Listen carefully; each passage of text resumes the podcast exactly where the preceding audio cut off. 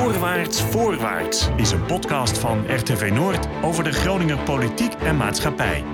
Met Martijn Volkers. Hoe zou Groningen er over pakweg 30 jaar uitzien? Is er in 2050 nog een toekomst voor boeren? Zijn vrijstaande woningen in het open veld zichtbaar? Of zijn er steeds meer Vinex-wijken, wind- en zonneparken en uitdijende industrieterreinen? Is er nog ruimte voor natuur? Kortom, wie wint de komende jaren eigenlijk de slag om de ruimte? Voorwaarts, voorwaarts. Te gast zijn gedeputeerde Mirjam Wilsen, die gaat over ruimte in onze provincie. Loek Mulder, journalist bij RTV Noord, schrijft over zaken als de uitbreiding van de Eemshaven bijvoorbeeld... of de ontwikkelingen van de Lelylijn en wat daarbij komt kijken. En Lambert Westerhuis, eh, regiobestuurder bij LTO, ziet het landschap veranderen en heeft daar ook wel duidelijk mee te maken. We gaan het daarover hebben. Um, Mirjam Wilsen, jij bent uh, sinds twee jaar nu gedeputeerde. Daarvoor statenlid in onze provincie. Gedeputeerde zijn, valt dat nou mee of tegen? Uh, nou, uh, mee. Uh, sterker nog, ik had eigenlijk nooit kunnen bedenken dat het zo leuk was. Het is echt fantastisch. Je bent onderdeel van een grote schakel en een keten.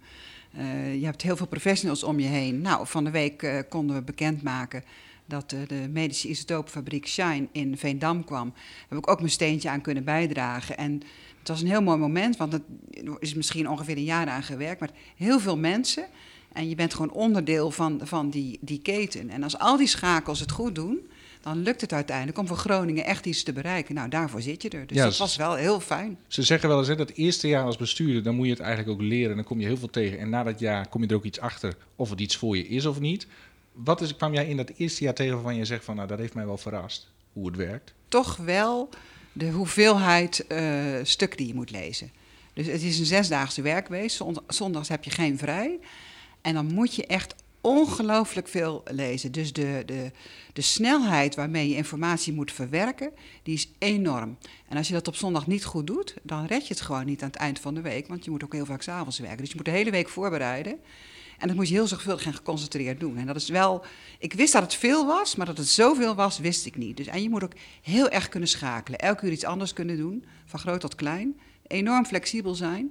Dus dat, uh, maar de hoeveelheid heeft me wel verrast. Enorm. Ja, ja precies. Want we, jij bent uh, gedeputeerde die onder andere gaat over de ruimte in onze provincie. Dat is nogal wat, want dat heeft uh, impact.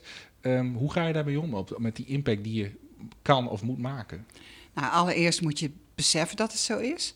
Dus als je door je eigen mooie provincie rijdt en je kijkt om je heen, dan moet je beseffen van allerlei zaken die ik daar doe, die op papier staan, waar we, waar we over overleggen, waar we onderzoeken naar doen, die hebben uiteindelijk een effect. En over vijf of tien jaar is dat zichtbaar in deze ruimte en in die provincie.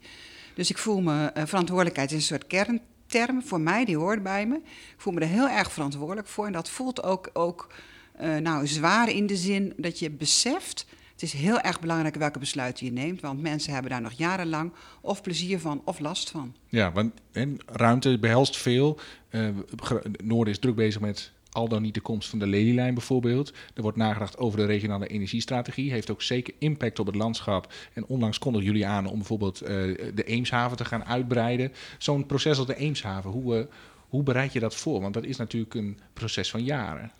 Ja, dat begint eigenlijk met een visie die we al hadden uh, op uh, Delfzijl en de Eemshaven over de impact van de industrie daar. Dus wat betekent dat? Daar zijn we in 2017 begonnen, dat heette dan de structuurvisie is van 15 hele grote ontwikkelingen hebben we dus naar bedrijven gekeken. Wat betekent dat voor het milieu? Wat betekent het voor geluid? Hoe gaat het met ontwikkelingen? Hoeveel ruimte hebben ze in de toekomst nodig? Nou, die was klaar. En eigenlijk bleek in 2018, 2019 al. Uh, dat er geluiden kwamen vanuit bijvoorbeeld de Noordelijke Ontwikkelingsmaatschappij, uh, uh, de NFIA, dat is een, een, een internationale ontwikkelingsmaatschappij zeg maar, van het Rijk, zou je kunnen zeggen, maar ook uh, van Groningen Seaport. Nou, we dachten dat we met die structuurvisie jaren vooruit konden en dat we wisten wat er gebeurde. Maar er zijn gewoon, komen veel bedrijven aan. Er, zijn, er is ook vraag naar hele grote kavels. Dus we denken dat we het echt niet tot 2030 gaan redden met deze visie. Nee, als je de scan maakt van Noord-Nederland, waar is nog de ruimte? Nou, dan heb je voor grote bedrijven is de Eemshaven nog in beeld. Uh, Emmen heeft nog ruimte qua bedrijfsindustrie. En ook Terapelkanaal zou je nog kunnen zeggen van rondom AVB zou je nog kunnen uitbreiden. Dan houdt het in Groningen en Drenthe wel een beetje op. Ja, ik ben bezig met de uh, meer ruimtelijke economische visies. Uh, dus ook bijvoorbeeld de A7 en 33-zone zijn we ook aan het kijken, samen met de gemeentes die daaraan liggen. Um, in de voorbereiding voor het besluit over um, de Eemshaven uh, is ook, uh, hebben we een heleboel rapporten. Want je vroeg net hoe gaat dat dan? Nou, we hebben ontzettend veel onderzoek laten doen. Om te kijken, is er echt een marktvraag? Wat is die vraag dan? Waarom willen de mensen naar Noord-Nederland komen? Uh, waar is de ruimte en waar is de ruimte dan voor? Nou, dat, dat hebben we door een aantal grote bureaus laten doen. Onder andere PUC, Bugel Haaiema heeft een milieugebied en geluid gedaan, maar ook STEC. En het stekrapport, wat ook bij al die stukken zat over die Oostpolder, daar blijkt ook uit dat die A7 en 33 zorgen dat daar wellicht mogelijkheden zijn. In ieder geval zijn we er ook nog aan het kijken. Maar er zijn maar een paar plekken waar het kan. En uh, ja, die Oostpolder uh, die is natuurlijk heel groot, 600 hectare. En hij ligt direct aan de Eemshaven. Dat is natuurlijk ook heel belangrijk. Dus ja. we hebben anderhalf jaar onderzoek gedaan om te zien hè, van, is het echt mogelijk? Uh, en waarom is het verantwoord, et cetera. Een heleboel belangen afgewogen. En toen dachten we van nou, we denken dat het mogelijk is. Dus we willen het gaan ontwikkelen. Even, even, nieuwsgierig, hè? want er ligt nu dat, dat nieuwe uh, uitleggebied in de Oostpolder. Hè? Is het denkbaar dat dat niet genoeg is dat op termijn daar nog een stuk grond bij komt, uh, ook bestemd voor de uitbreiding van de Eemshaven? Nou, en dan kan meneer Westhuis een borst maken. Ja, is dat denkbaar? Um, nou, ik denk dat uh, als de Eemshaven bijna verdubbelt, hè, anderhalf keer, en je ziet hoe lang we er uh, mee gedaan hebben, dat. Uh, ik, ik, kan niet over 50 jaar kijken, maar ik denk voorlopig kunnen we met dat gebied een heel eind vooruit. En zoals Martijn Volkers ook al zegt, hè, je hebt ook nog in Noord-Nederland nog een paar andere plekken wellicht. Dus ik, ik verwacht dat niet binnen 10 of 15 jaar of langer. Dat absoluut niet. Nee. In ieder geval, dit is, ik, dit is de eerste keer dat ik. Uh, uh, dus laat ik zo zeggen, deze vraag is uit al die onderzoek en hoe we gekeken hebben, is niet naar boven gekomen. Nee. Lambert Westerhuis, regiobestuurder LTO. jij volgt die ontwikkelingen. Um, hoe kijk jij daarnaar? Ja, ik, ik kijk naar die ruimte, zeg maar, en dan zeg ik, het is boerenland, het is, het is heel goed boerenland, zeg maar. Zeker hier bij de kust. We hebben hier uh, prachtige gronden voor uh, onze, uh, onze, onze pareltjes, zeg maar. Dat zijn de pootgoed aardappelen, zeg maar, die over de hele wereld gaan. En, en het is de, eigenlijk, nou ja, het is de betere gronden, of de beste gronden zeg maar, van Nederland. Want dat hoort bij een delta, de, dat door de zee gevormd is, we heel eerlijk zijn. Dit is bij de kust langs hier zo in Friesland en Groningen en dan in de polders in uh, Noord-Holland. En een stuk Zeeland, zeg maar. Dat zijn de, gewoon de beste gronden. En uh, het noorden is vooral geschikt voor het pootgoed. En dat heeft met luizen te maken, dus het klimaat. En het is gewoon zonde namelijk is om zo'n heel groot blok in één keer uh, weg te halen. Ja, ik begrijp jij, best... Jij had dat liever gefaseerd gezien? Uh, ik, ik denk namelijk dat dat beter overgekomen was als, als dit. En wel waarom namelijk is, want nu heb je in één keer een hele hap. En wat gaat er gebeuren? Die boeren worden uitgekocht die, en, en terecht, ze krijgen daar veel geld voor. Want ik vind dat het ook moet, want je krijgt een hele stuk sores over je heen. En ik heb, sprak laatst een boer vlak, nou, toen wist ik hier al dat dit ging gebeuren. En die boer die zei, ik ben ook uitgekocht bij een dorp. En ik heb er wel 15 jaar eigenlijk sores van gehad, ellende van gehad. Zorgen als in, als in, waar bestaat dat uit? Uh, uh, hoe moet je nieuw bouwen? Waar ga je op welke plek ga je bouwen? Je gaat verkassen, je vriendenkring gaat veranderen, je kinderen moeten een andere school. En al zulke dingen heeft hij meegemaakt. Ik kom van Zuidhoorn en is naar, naar Rastvoort gegaan. Dus het, het is, is een, geeft gigantisch veel impact was maar één boer. Nu praten we over 15, 16 boeren. En als je, als je ook in die groep van 15, 16 boeren kijkt, hè, is natuurlijk in het agrarische wereldje ook een gegeven dat het qua bedrijfsopvolging niet altijd vanzelfsprekend is dat er een nieuwe boer komt. Zitten daar ook boeren tussen die zeggen van, nou, misschien ben ik er wel goed vanaf dat ik hem nog goed kan verkopen, want ik heb toch geen opvolger. Uh, de grote meute, zeg maar, de, de meeste mensen die uh, hebben gewoon een opvolger. Maar je ziet namelijk is, de grotere bedrijven in Noord-Groningen, de grote pootgoedbedrijven, die hebben haast allemaal een opvolger, gewoon omdat daar zo perspectief is, als er maar toekomst is. En, en dat perspectief wordt nu wat weggenomen in één keer. En dat is de zorg van die boeren. Ja. En zeker de jonge boeren die er zitten, die maken zich er echt zorgen om. Precies. En, en, en, ja? En, en, ik weet dat het zo is. En die jonge boeren die zullen heus wel hun plek vinden, namelijk is, maar doe het maar. En dan de uitstraling over het hele gebied. Zelfs bij ons, zeg maar, is, wordt het voor de jonge boeren die zitten, namelijk, die krijgen het moeilijker namelijk. Want die concurrentie van, van die mensen die uitgekocht zijn en die weer opnieuw gaan kopen, die kopen wel twee keer zoveel. En daar kun je niet tegenaan bieden, nee, namelijk. Uh, en dat is wel een zorg. Luke, als wij kijken naar die ontwikkelingen, de Eemshaven, de regionale energiestrategie, waar wind- en zonneparken komen zitten aan te komen, de Lelylijn. Groningen gaat ingrijpend veranderen, denk jij? Dat is een, een absoluut vaststaand feit. En dat is een proces dat, dat nu eigenlijk al heel erg zichtbaar is ook. Hè? Um, nou, het meest recente is natuurlijk het besluit over de Eemshaven. Maar we hebben ook in de afgelopen paar jaar de, de windmolens zien verrijzen naar bij Mede, in de Veenkolonie. We hebben, ik weet niet hoeveel zonneparken zien verrijzen. En um, dat is natuurlijk nog niet klaar. Want het gaat door tot 2030, uh, wanneer zeg maar, de eerste fase van uh, uh, wanneer de regionale energiestrategie uitgevoerd moet zijn. En na 2030 gaat het verder tot aan 2050. want dan moet het hele proces voltooid zijn. In 2030 zijn we op de helft. Um, wat komt daar nog allemaal, nog bij aan windparken, aan, zonneparken?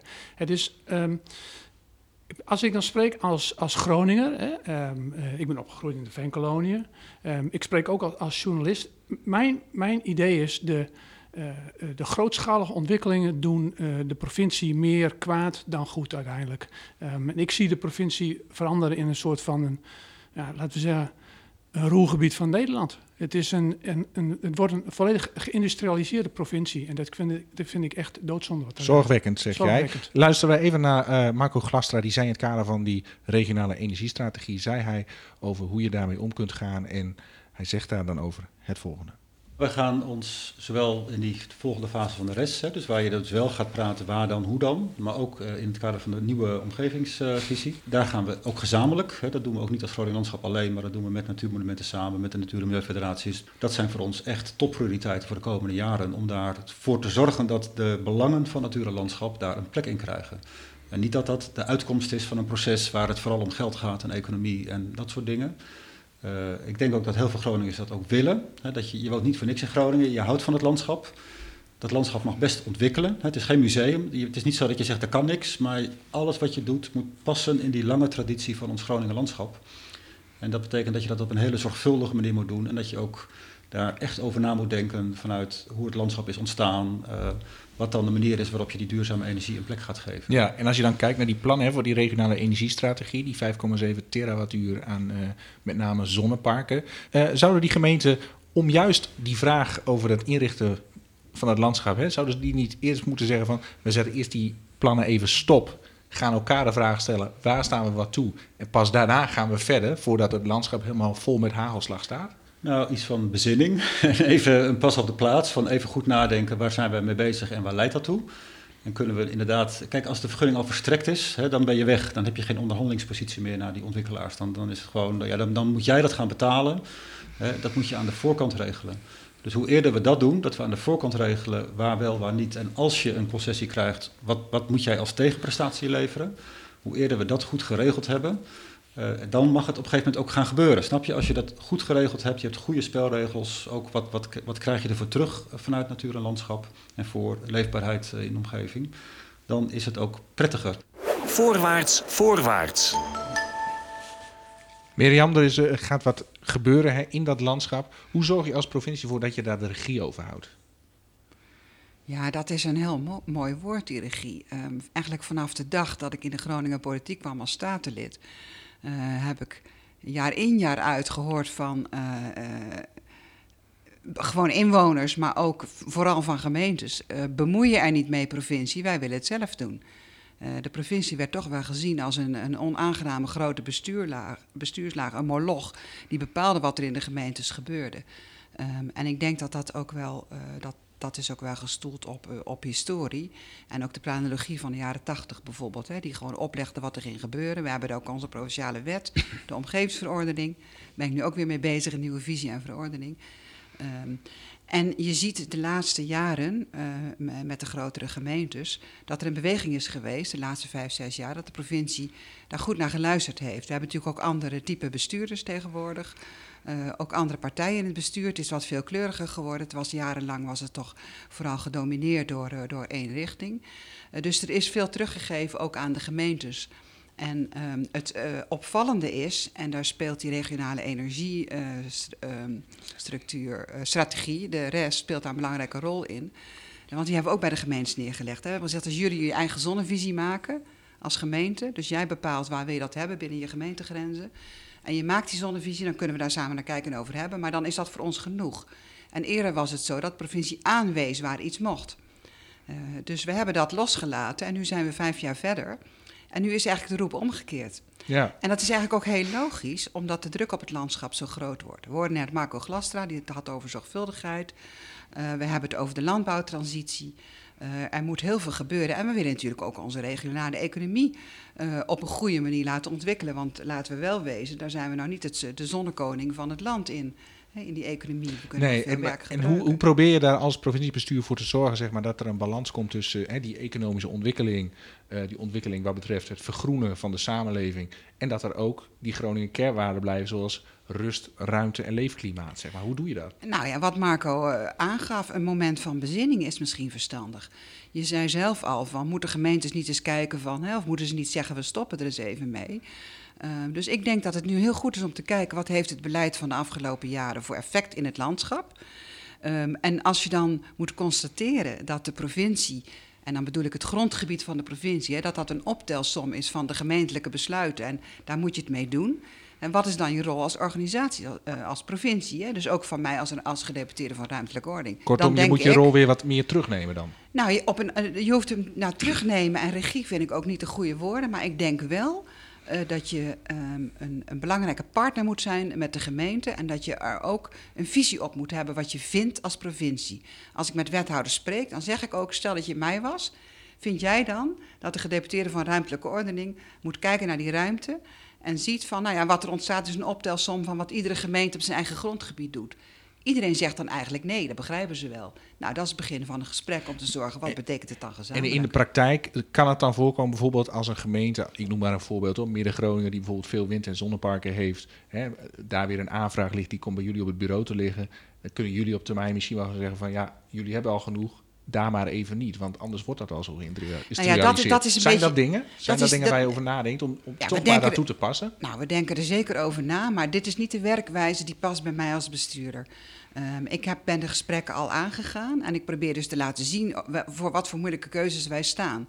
En wat de verantwoordelijkheid van de gemeentes daarin is. Dus ik probeer juist samen, daarom werk ik ook heel veel in die gebiedsontwikkeling met die gemeentes samen, te laten zien.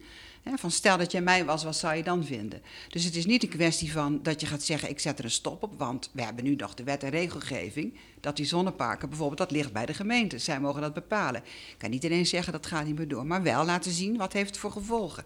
Ik kan nog een mooi gevolg noemen, heel belangrijk. We hebben onderzocht res en ruimte. Wat heeft die strategie nou voor effect op de ruimte? Het blijkt eh, dat als je in een gemeente, bijvoorbeeld we nemen de mooie gemeente Westerwolde, je plant op een grondgebied ergens een zonnepark, er komt een ontwikkelaar die legt dat aan. Nou, het valt niet zo op. Heel, niet heel veel mensen hebben er last van, hè, want daarom gebeurt het ook niet zo aan het stedelijk gebied, maar juist een beetje in het veld. Dan ziet niemand het. En dan eh, is daar natuurlijk een, een aansluiting voor nodig, want die energie moet ergens heen. Nou, er komt een nieuw transformatorhuis en dan denkt een bedrijf: hé, hey, daar is een energieaansluiting, daar kan ik Dan me kan ik misschien nog een keer doen. Ja. Wat gebeurt er dan? De gedachte, we leggen dat zonnepark een beetje buiten, heeft niemand er last van. Is natuurlijk niet bedacht van er moet een industrieterrein ontstaan, maar dat kan wel gebeuren. Dat hebben we in kaart gebracht. Dat betekent dat je met de gemeente kunt zeggen: is dit wat we wensen? Nou, de meeste wensen dat niet. Dus moeten we dan misschien op een andere manier gaan kijken naar het landschap en het beleid wellicht veranderen? Moeten we misschien wat meer onderling afstemmen en ook de verantwoordelijkheid wat breder leggen? Nou, daar ben ik mee bezig. Ja, en dat gesprek moet zich de komende 1 tot 1,5 jaar moet dat uitmonden in nieuw eh, beleid. Hoe gaat dat intern dan bijvoorbeeld? Want je zit in een coalitie waar, met uiteenlopende wensen. Hè. De VVD eh, is een partij die eh, ook de landbouw moet vertegenwoordigen, de economische ontwikkeling moet vertegenwoordigen. En GroenLinks wil graag verduurzamen met zonneparken, windmolens en heel erg richting die waterstofeconomie, zeg maar. Dus dat, dat kan me voorstellen dat het ook een spanning geeft. Nou ja, we hebben natuurlijk een, eh, een, een coalitieakkoord. Ja. Hè? Dus ik ben bestuurder voor iedereen. Eh, ik ben bestuurlijk verantwoordelijk net zo goed voor de rest als mijn collega's voor de Oostpolder. Maar moet jij dan af en toe ook op de rem trappen als andere partijen, hè, andere gedeputeerden in dat provinciebestuur zeggen van wij willen hard vooruit en, en dan probeer jij de belangen van het landschap te waarborgen? Moet ik dat zo Nou, doen? uiteraard heb je, heb je voor je eigen portefeuille een grote verantwoordelijkheid, maar ook in die end eh, veel kennis en kunde doe je op. Hè. Je hebt er ook de medewerkers voor die je daarbij helpen. Dus wat je dan doet, is dat je gewoon zorgt op tijd dat bijvoorbeeld collega's weten wat die effecten zijn. Dus de onderzoeken die je hebt laten doen, wat betekent dit beleid nu in die ruimte, wat voor gevolg heeft dat, dat je daar goed over hebt. Dus je moet ervoor zorgen eh, dat, je, dat je met z'n allen beseft van kunnen we zo wel doorgaan. En maar dat vinden, ja? we ook al, dat vinden we ook allemaal, want mijn collega van Landbouw moet aan de gang met die landbouwtransitie. Ja, Uh, eh, staat voor de economie. Eh, we hebben inzicht in ruimte. Dat is een heel mooi instrument. Dat heb ik een half jaar geleden hebben we dat in het college voorgelegd. Kun je eigenlijk allerlei ontwikkelingen en plannen die we hebben, eh, die kun je, kun je als het ware over elkaar projecteren. Dus dan komt bijvoorbeeld, als je het dan over partij wilt hebben, bos en hout, hè, een opgave die, die heel belangrijk is voor het college. Die breng je dan in beeld. Hier zijn alle plannen. Dan komt voor de landbouwtransitie komen de plannen. Dan komen de plannen voor de zonneparken. En dan komen de plannen voor de economie. Als je dat over elkaar neerzet, zie je al direct, het kan gewoon niet. Lammert, als je dit zo hoort, hoe, wat is je oordeel daarover? Nou, ik ben het helemaal met Mirjam eens dat niet alles kan. Dat heeft uh, Remkes ook al gezegd, alles kan niet. Nee. En dat is ook, met de ruimte is dat ook zo. Dus voor de sector die jij vertegenwoordigt, voor de landbouw, heeft dat gevolg. Hè? Jullie behelzen uh, hebben hè, veel grond, relatief veel grond, ook in onze provincie natuurlijk. Ja, daar ga je op termijn toch een percentage van verliezen, hoe, hoe wrang dat misschien ook is. Nou, we, hebben, onze, we hebben ook een, een, een, een grondvisie uitgegeven, dat is LTO landelijk zeg maar. En uh, ons, idee is, zeg maar, kijk ook naar mogelijkheden om, zeg maar, desnoods, uh, om ja, we hebben een marker uh, waard, zeg maar, dat doe daar wat mee, desnoods. Ja, ik durf ook nog wel hard op te zeggen, namelijk, kijk eens een keer naar de Waddenzee. Ik weet dat het nu nog niet kan, maar op in de toekomst wel. Want die grond die is straks belangrijk. Als je denkt, want als we alle goede grond, want we zitten in een delta en daar heb je gewoon goede grond. Als we die allemaal gewoon volbouwen, ja, dan is het in één stad en dan is het geen landbouw meer. En landbouw is wel een belangrijk onderdeel namelijk, want dat is gewoon voedsel voor de mens. Dat is onze energie waar je op draait en leeft. Ja, want, want voelen jullie je als sector ook door al die ontwikkelingen een klein beetje naar de zijkant gedrongen? We, nou ja, het, begint hier ook wat te komen. Maar hier in het noorden hadden we altijd nog veel ruimte. Maar de druk wordt wel groot. Kijk maar zo'n stad, zeg maar, hoe dat uitlegt. Of een dorp, dat ligt ook al uit. Maar dat gaat, gewoon een rap tempo op dit moment. En ja, ik weet, er komen meer inwoners. Iedereen wil uh, ook een eigen huis hebben. En we wonen allemaal zo'n beetje met anderhalf personen in een woning. Dus je hebt er nogal wat nodig. En je wil ook een keer recreëren. Je wil een keer ergens fietsen. Ik begrijp het allemaal best. En er moet ook nog werk zijn. Dus dat klopt allemaal. Behalve voedsel is wel een belangrijk onderdeel. En er wordt altijd gezegd, we exporteren zoveel. Ja, we exporteren wel veel, maar we importeren ook gigantisch veel voedsel. Onderschat niet hoeveel dat is. Dus gisteren zat ik in een overeenkomst met de, met de provincie en daar hadden we het over, nou, het ging over, over intensieve hilderij, maar één onderwerpje ervan, namelijk is het pluimvee. En er werd gezegd, er wordt 65% geëxporteerd. Ik zei, ja, hoop, maar dat verhaal klopt niet. Want er wordt ook gigantisch veel kip geïmporteerd. Dus er is maar een heel klein beetje waar, waar de grens over gaat. Ja, en die pootjes die we niet willen eten en die vleugeltjes niet. Maar, maar, de rest, daar, houden we hier allemaal. Dus het verhaal moet wel kloppen, namelijk. En die, die landbouw is gewoon heel belangrijk voor de economie. Daar, zijn we op, daar is het wel mee begonnen hier in Nederland. Ja, en nu zitten we in, in Noord-Groningen in die belangenafweging. Hè? Vruchtbare landbouwgrond ten opzichte van uitbreiding van industrie, wat misschien wel honderden tot misschien wel duizend plus banen kan opleveren, zeg maar. Dus dat is natuurlijk een belangenafweging waarvan je misschien als sector ook moet zeggen, ja, misschien moeten wij daar een beetje inschikken. ik, ik weet namelijk is dat, uh, dat, dat, uh, dat boeren gewoon, uh, ja, als je per, per bedrijf kijkt, dan denk je, nou, er werken één of twee mensen. Maar dat is natuurlijk niet zo. Hè? Maar er zit natuurlijk een heel gevolg achter. Er zit natuurlijk, uh, die, die voorlichting zit erachter. Die, die, uh, die kunstmestboer of die, die, die uh, gewasbeschermingsboer. noem maar op, maar er zitten heel veel bedrijven achter die zeg maar, die boer moeten helpen. Ik zeg gewoon, een, gewoon normaal landbouwbedrijf, tenminste een redelijk groot.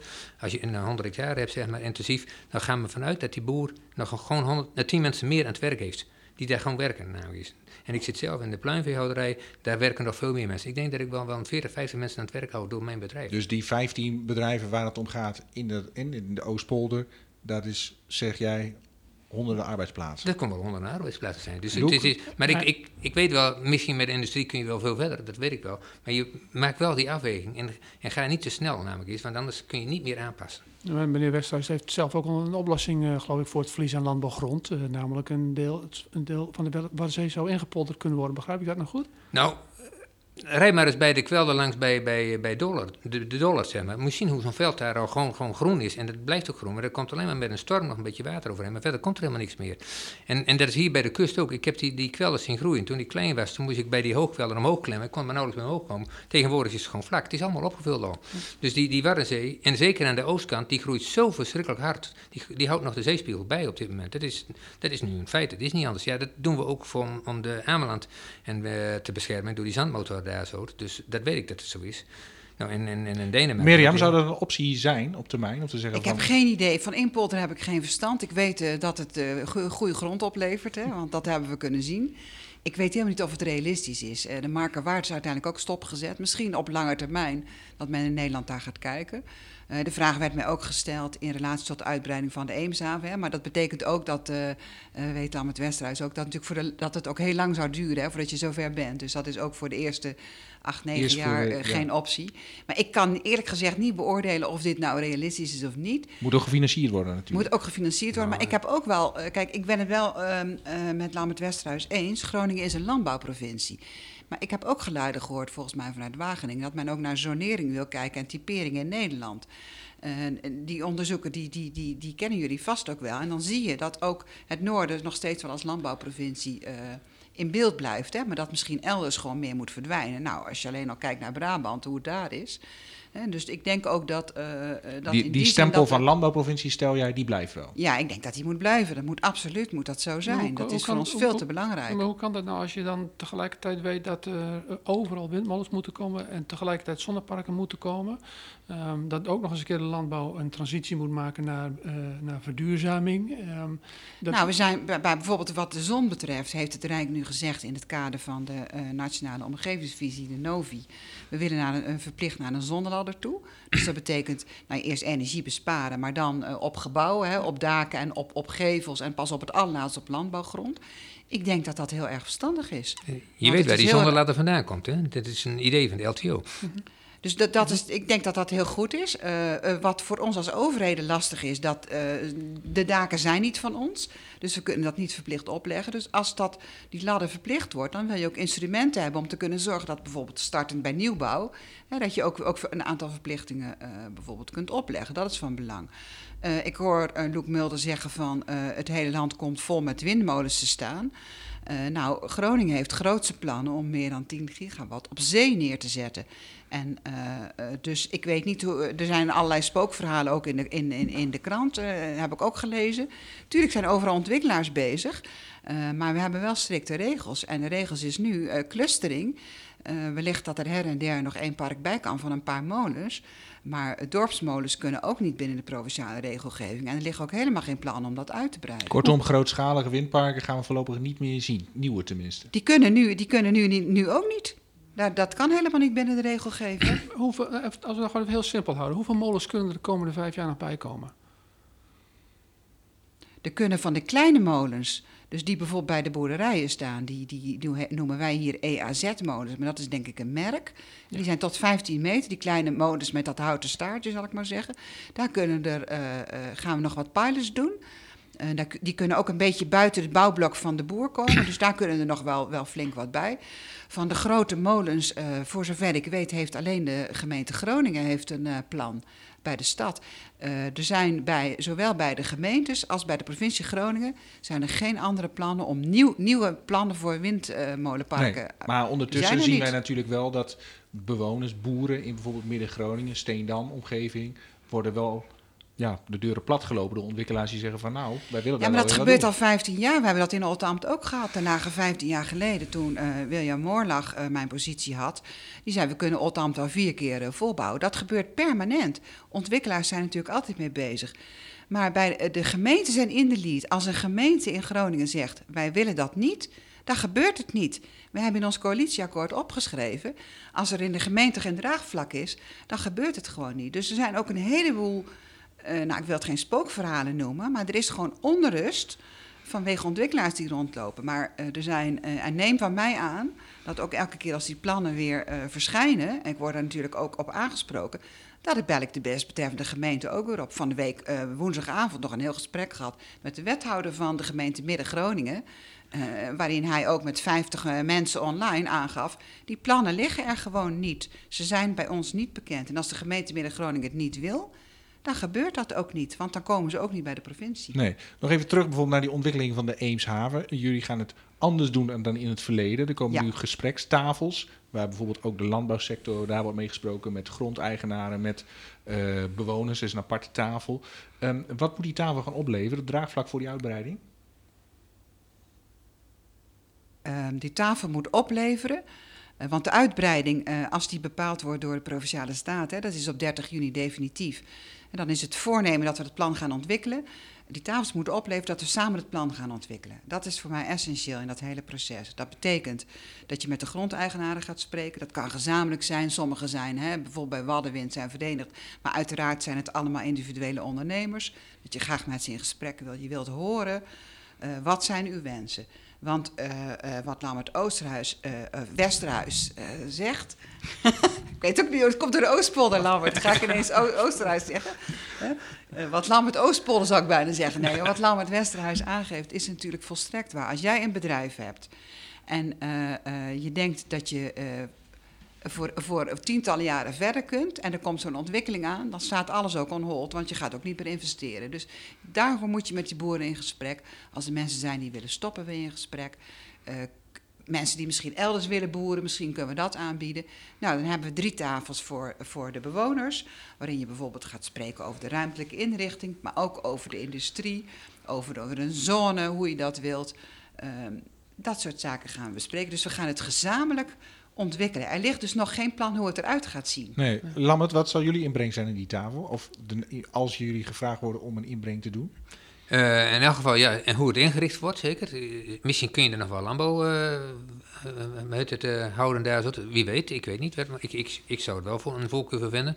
Maar dat kan best. En nu bij het jaar langs is ook gewoon landbouw. En dat moet open blijven, heb ik begrepen al. Nou, laat daar gewoon landbouw zitten. Eh, voor mij een keuze in elk geval. Ja, je kunt er ook natuur gaan maken, maar waarvoor moet er nou natuur worden? Laat, laat er nou gewoon geen landbouwgrond uh, weer opgeven voor natuur, want daar hebben we al genoeg van. Luke, dat landschap, waar vrees jij nog meer voor? Meneer Wilson die heeft het over, over onrust eh, die ontstaat door uh, projectontwikkelaars die met uh, briefjes langs de deur gaan van de mensen. Maar onrust zit hem ook voor een deel in de ideeën van mensen wat nog verder weg op en afkomt. En als je kijkt naar de, naar de periode die, die tot 2050 geldt, hè, de, het moment waarop we helemaal CO CO2-neutraal willen zijn en volledig circulair. Um, een, uh, gerenommeerde onderzoeken hebben ook uitgewezen dat um, als je dat vertaalt naar de doelstellingen in Groningen, uh, dat het niet te doen is zonder dat je nog eens een keer tussen de 300 à 600 windmolens op land bouwt en nog eens een keer uh, talloze hectare aan zonneweiden aanlegt. Dus um, ik vind de, het idee van ja, schuif die schuif het, uh, schuif het idee van de, uh, uh, de onrust over die windmolens maar aan de kant door te zeggen van de komende jaren komen er geen extra bij. Vind ik, vind ik eerlijk gezegd wel een beetje gemakkelijk. Nou, dat is helemaal niet gemakkelijk. Uh, ik, vind, ik vind dit vind ik gewoon. Uh, uh, wat Luc, Mulder zegt, vind ik gemakkelijk. 3 tot 500 windmolens in Groningen, daar is gewoon geen sprake van. Bovendien zijn er tot 2050, hebben we 30 jaar. Er zijn ontzettend veel oplossingen om de CO2 te halveren. Maar ook om te zorgen dat je goede energie hebt en een goede backup. Er zijn, er zijn allerlei oplossingen voor en het hoeft niet alleen windmolens te zijn. Ik denk dat dat een beperkt idee is. En ik vind het ook niet terecht uh, want ik, ik, wil niet, uh, ik maak het niet klein. Maar als er binnen de regels, als het gewoon niet kan nu en de komende jaren, dan moet dat ook klip en klaar gezegd kunnen worden. Dat ontwikkelaars dat willen, dat kan zijn. Maar de overheid gaat erover. Wij zijn er juist om die verschillende belangen af te wegen. En daar, daar zijn gewoon geen plannen voor. Maar ben je niet bang dat je op termijn, hè, dat als in het verleden bijvoorbeeld door het Rijk overruled wordt en zegt van uh, daar en daar worden windparken gerealiseerd. In het verleden hebben we bijvoorbeeld in Drenthe gezien dat Drentse boeren eigenlijk rechtstreeks zaken deden met het ministerie. En dat windpark kwam er. Ja, nou wat je dan moet doen, en daarvoor zit je natuurlijk ook in het bestuur, is dat je zorgt uh, dat je via al je bestuurlijke lijnen permanent in contact bent met het Haagse en met het, met, met het Rijk. Maar ook, uh, ook via je individuele partijlijnen. En ik heb er bijvoorbeeld mede met de, de andere fractievoorzitters van de VVD zes jaar geleden voor gezorgd dat in de VVD-verkiezingsprogramma's in ieder geval kwam te staan geen extra windmolen meer op het land. En als, als, als meer partijen dat doen, dan kun je dat dus realiseren, want dan is daar gewoon geen ruimte voor. Dus je moet zorgen dat je de verantwoordelijkheid waar je hem hebt in je eigen provincie neemt, maar dat je ook voor de grote lijnen en de zorg die je hebt voor het landschap, want ik voel me echt daarvoor verantwoordelijk. Ik wil ook een soort hoeder van het landschap zijn, dat meen ik echt serieus. Dan moet je zorgen dat je ook je bestuurlijke lijn op orde hebt en permanent in gesprek bent met het Rijk. Maar dan moet je er bijvoorbeeld ook over nadenken eh, dat je misschien een kerncentrale in Nederland gaat krijgen of een paar kleine kerncentrales. Dan moet je ook openstaan voor andere. Uh, en, en heb kan die ook, dan in de Eemshaven komen? Nee, dat kan die niet. Ik heb al in de campagne als lijsttrekker heb ik al een beroep gedaan op de Tweede Kamer. Sluit die, sluit die kernenergie niet uit vind ik super belangrijk, juist ook om de ruimte te sparen, maar ook om voor de energie-efficiëntie te zorgen en voor de zekerheid, want ik wil ook niet in de kou uh, komen te en zitten. En dan kan die in Zeeland, bij Borselen? Ja, daar, daar, willen ze hem heel graag. Want wij richten ons op waterstof. Wij willen die ruimte gewoon voor waterstof bewaren en op een andere manier wel de energieprovincie zijn, maar niet met kernenergie. Concluderend, Lammert Westerhuis, als jij die verhalen allemaal proeft, is er toekomst voor de boeren in Groningen? En ja, zeker heel veel toekomst zelfs. Behalve de ruimte wordt wel ingeperkt en dat, dat proces gaat door. Als het maar niet ten koste gaat, namelijk is van totaal geheel, namelijk is dat, dat er op een gegeven moment iets niet meer rendabel is, omdat je een te kleine groep wordt. En daar moet je wel voor oppassen. Over de ruimte kunnen we nog wel drie podcasts maken, zeg maar. Oh, nog wel veel meer als. Ja, precies. Luc Mulder, houden wij het Groningen landschap authentiek? Ik, ik sluit me volledig bij, uh, bij Dammert Westhuis aan. Het, het, ik vind het zorgelijk. Um, het is, als ik nu van Groningen naar uh, mijn ouders in, uh, in Musselkanaal rijd, dan rijd ik door een geïndustrialiseerd landschap. En ik hoor nu ook al mensen zeggen, dit is mijn landschap niet meer, omdat het beroofd is van zijn identiteit en van zijn integriteit. En ik hoop dat we echt kunnen rekenen als provincie op Mirjam Wils als hoeder van dit landschap, zoals ik net hoor. Mirjam Wilson, kunnen wij op jou rekenen als hoeder van het landschap? Ik, jullie mogen mij afrekenen op zeker moment, maar mijn inzet zal dat zeker zijn hoe complex het ook is. Ik heb daar uh, strakke ideeën bij en ik ben in overleg met alle wethouders om te zorgen dat we samen hoeden van het landschap zijn. Want die verantwoordelijkheid ligt niet bij één persoon, die ligt bij een grote groep en die ligt ook bij de organisaties zoals het Groningen Landschap, zoals LTO en, en anderen. Dus ik denk dat we het samen moeten doen. Uh, aan mij zal het niet liggen.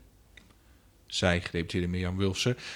Ik zeg alvast dank tegen mijn gasten Lambert Westerhuis, Loek Mulder, Mirjam Wilsen. Um, we gaan er op een wat ongewone manier uit. Van de week kregen we een mail van Piraten Chanticoor Voorwaarts Voorwaarts uit Hoge Zand. Die kwam met een mail van ja, jullie podcast heet ook de Voorwaarts Voorwaarts. Kunnen wij daar niet in? Nou, daar hebben zij een hele lijst aan muziek ingediend. En daar vond ik dit tussen. En als we het dan over Grunnige Stad en Ommerland hebben, ja, hoe kun je er dan beter uitgaan dan met het eigen Grunnesluit?